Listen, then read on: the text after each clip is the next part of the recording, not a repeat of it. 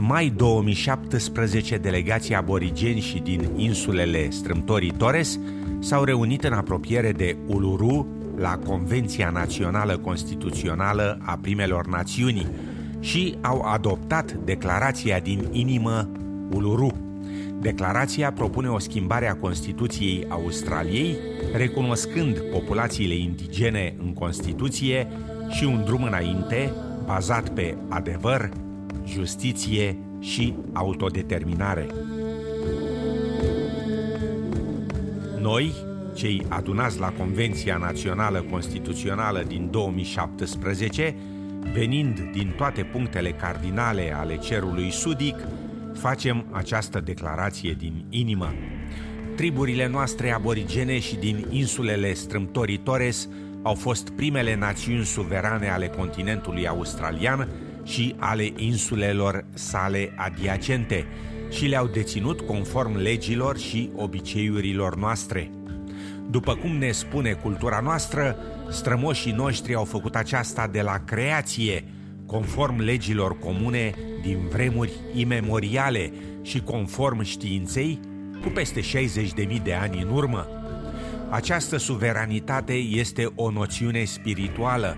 Legătura ancestrală dintre pământ sau mama natură și populațiile aborigene și insulare ale strâmtorii Torres, care s-au născut acolo, rămân atașate de acele locuri și trebuie să se întoarcă într-o zi acolo pentru a se uni cu strămoșii noștri. Această legătură este baza proprietății terenului sau, mai bine spus, a suveranității.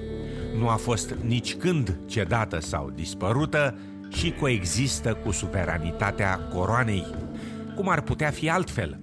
E posibil ca popoarele să dețină un teren timp de 60 de milenii, iar această legătură sacră să dispară din istoria omenirii în doar ultimii 200 de ani? Cu schimbare constituțională substanțială și reformă structurală, considerăm că această suveranitate ancestrală poate străluci ca o expresie mai completă a naționalității Australiei. Proporțional, suntem cea mai încarcerată populație de pe planetă. Nu suntem un popor criminal înnăscut. Copiii noștri sunt înstrăinați de familiile lor la rate fără precedent. Acest lucru nu se datorează faptului că nu îi iubim, iar tinerii noștri sunt în detenție în numere obscene. Ei ar trebui să fie speranța noastră pentru viitor. Aceste dimensiuni ale crizei noastre descriu clar natura structurală a problemei noastre. Acesta este chinul neputinței noastre. Dorim reforme constituționale pentru a ne împuternici populația și pentru a ocupa un loc cuvenit în propria noastră țară. Când vom avea putere asupra destinului nostru, copiii noștri vor înflori.